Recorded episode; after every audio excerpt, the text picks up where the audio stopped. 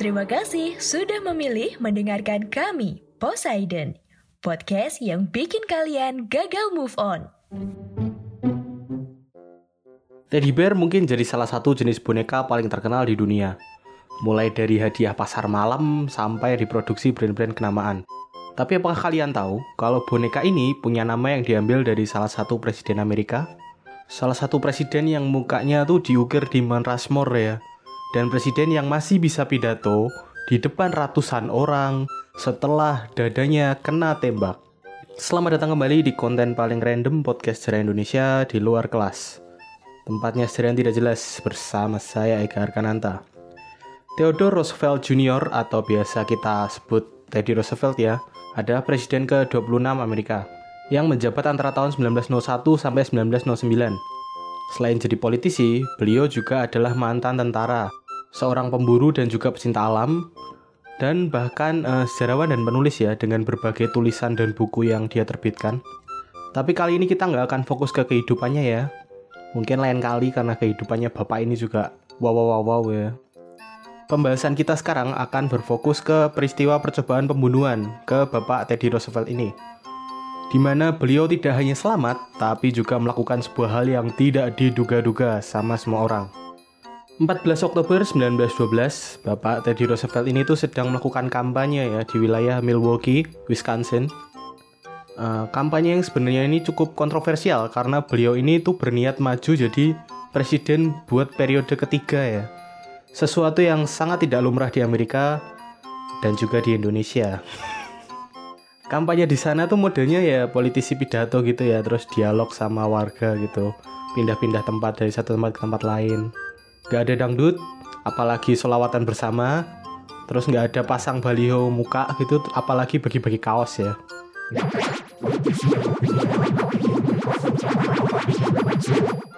Karena ini tuh di bulan Oktober yang udah masuk musim gugur ya. Pak Teddy Roosevelt ini tuh pakai coat gitu mantel ya.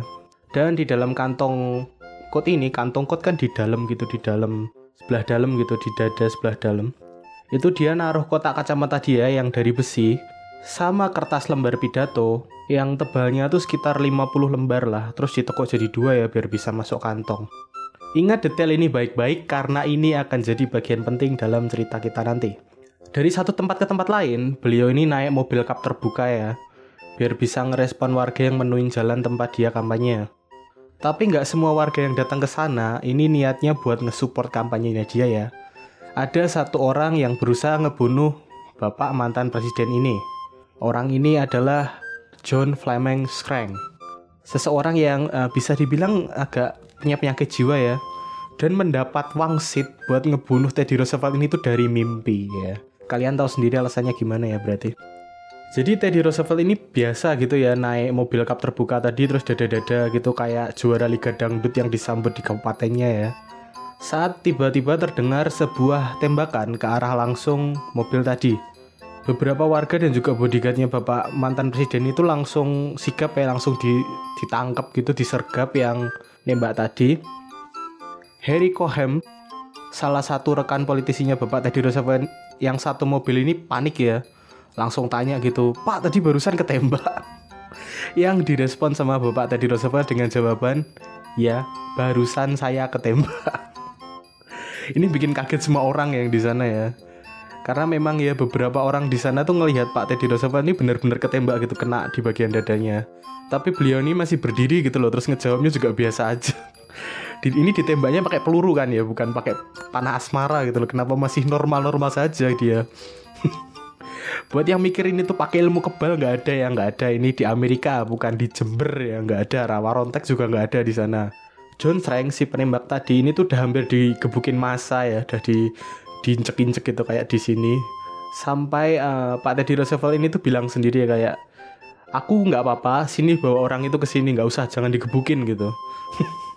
Terus setelah ditanya-tanyain dia tuh nggak ngaku apa-apa. Akhirnya ya si John Strang ini tuh dibawa ke polisi gitu.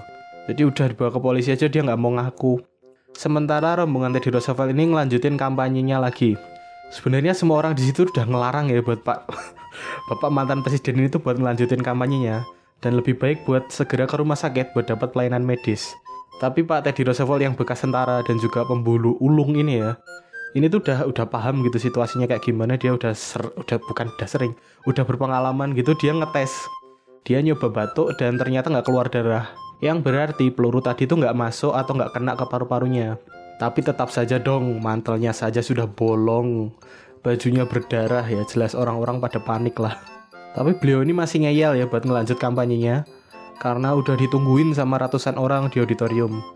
Ya mau nggak mau akhirnya semuanya pada nurut ya daripada debat tambah lama makin nggak keurus makin parah lagi kan. Mending diturutin kan keinginannya biar cepat selesai gitu. Nanti kalau udah selesai bisa dirawat gitu kan.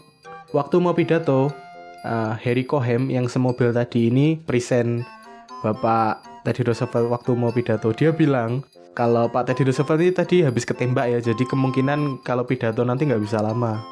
Orang-orang di sana tuh pada nggak percaya kan pada apaan apaan lah paling bohong paling apa kontroversi gitu. Sampai uh, Pak Teddy Roosevelt ini tuh masuk sendiri ya masuk ke ke stage gitu. Bajunya berdarah kan mantelnya bolong tadi bajunya berdarah-darah. Orang pada kaget dong yang tadinya pada curiga akhirnya jadi bingung semua jadi panik kayak ini orang nggak apa-apa beneran habis ketembak kok masih pidato dan dalam kesempatan ini beliau nggak menyia-nyiakan ya kejadian barusan yang dia dia alami. Namanya juga politisi ya kan. Kertas pidato yang dia bawa tadi itu tuh bolong kena peluru ya. Tadi kan kelipet jadi dua ya. Jadi bolong itu di bagian atas sama bawah. Itu yang bikin orang-orang juga tambah kaget di sana ya. Ternyata ya itu tadi bukan cuma berdarah tapi ada bukti lain gara-gara kertasnya bolong tadi kan. Hebatnya lagi Pak Teddy Roosevelt itu uh, ternyata pidatonya cukup lama ya sekitar 84 menit ya. Hampir satu setengah jam dengan kondisi dada bersimbah darah ya. Keren sekali ini. Setelah pidatonya selesai beliau baru mau dibawa ke rumah sakit. Habis itu di sama dokter dan uh, setelah dicek ternyata memang ada peluru tadi peluru tadi itu memang kena ke dadanya dia tapi nggak masuk ke paru-paru. Cuma kena uh, cuma kena di bagian otot dada gitu terus sama kena tulang rusuk dia yang ke nomor 4 kalau nggak salah dari atas.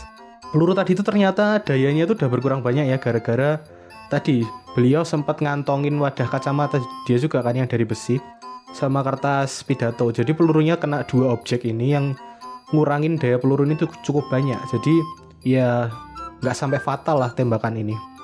Kalau enggak ya mungkin Pak Teddy Roosevelt udah meninggal ya dan tindakan beliau yang sangat keren dan random ini tuh nggak akan ada gitu. Kita nggak akan bakal dapat cerita ini. Terima kasih yang sudah mendengarkan episode ini. Selamat Natal dan tahun baru buat kalian semua. Selamat liburan ya.